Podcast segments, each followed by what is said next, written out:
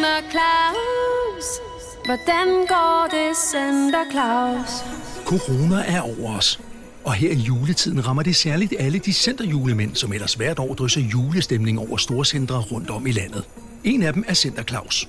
Center Claus arbejder ligesom alle andre danskere hjemmefra, og må derfor tage imod ønsker fra børn over telefon, i stedet for på sin plads nede i centret.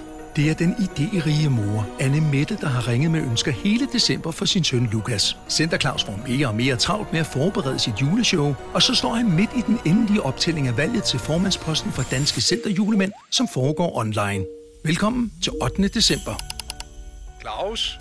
Claus? Claus, du skal bare tænde kameraet. Paul! Nu kan vi se dig. Paul! Det er det, jeg siger. Jeg er blevet genvalgt som formand for Danske Centerjulemænd. Wuhan, det bliver godt. Er det... Øh... Jeg fører jo kæmpe stort. Du kan lige så godt stoppe med at tælle. Og Ronald kan lige så godt gemme alle de beskyldninger og klovnerier væk. Ja, hallo? Øjeblik. Det er klart, det er julemanden. Ho, ho. Hej, det er Anne Mette. Dag, Anne Mette. Hvad kan jeg hjælpe dig med? Det er sådan, at min søn Lukas har forelsket sig i en chokoladejulekalender, som han så inderligt ønsker sig. Den han har nu er han allerede halvvejs igennem, men den er med vingummibamser.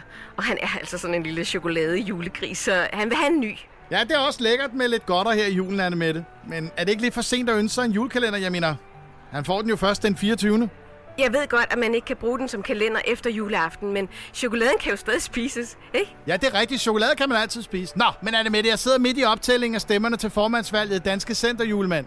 Det ser ud til at få 8 år mere, med mindre Ronald får sin vilje at få lavet en redegørelse af optællingen. Jeg håber godt nok, at vi ikke får 8 år mere med det her corona. Det er også derfor, at jeg synes, Lukas fortjener en ekstra kalender. Ja, det er rigtigt. Ja, ja. Det er en svær tid, og nu vil han have den der chokoladejulekalender. Kun med rom og rosin. Og de er ikke til at opdrive på nettet, så nu var det, jeg tænkte, at jeg ville finde den forretning her i centret, der sælger sådan en. Ja, ja, jeg forstår det med det, men med rom og rosin, det er da alligevel lidt usædvanlig chokoladejulekalender til et barn. Men vi har jo også alle sammen brug for lidt ekstra i år. Og det er også det, jeg har fortalt Lukas. At selvfølgelig skal han da ønske sig en ny julekalender, hvis det er det, han vil have. For det er jo kun jul en gang, og man kan jo ikke spise den resten af året. Det vil faktisk sige, at der var engang et tilbud, hvor man kunne købe overskydende julekalender i april. og Lukas elskede det. Jeg købte dem alle sammen. Nå ja, jo jo, ja, men julen var jo lige til påske. Jeg skal altså løbe nu, Anne med det. Og måske kan Lukas ringe ind i morgen.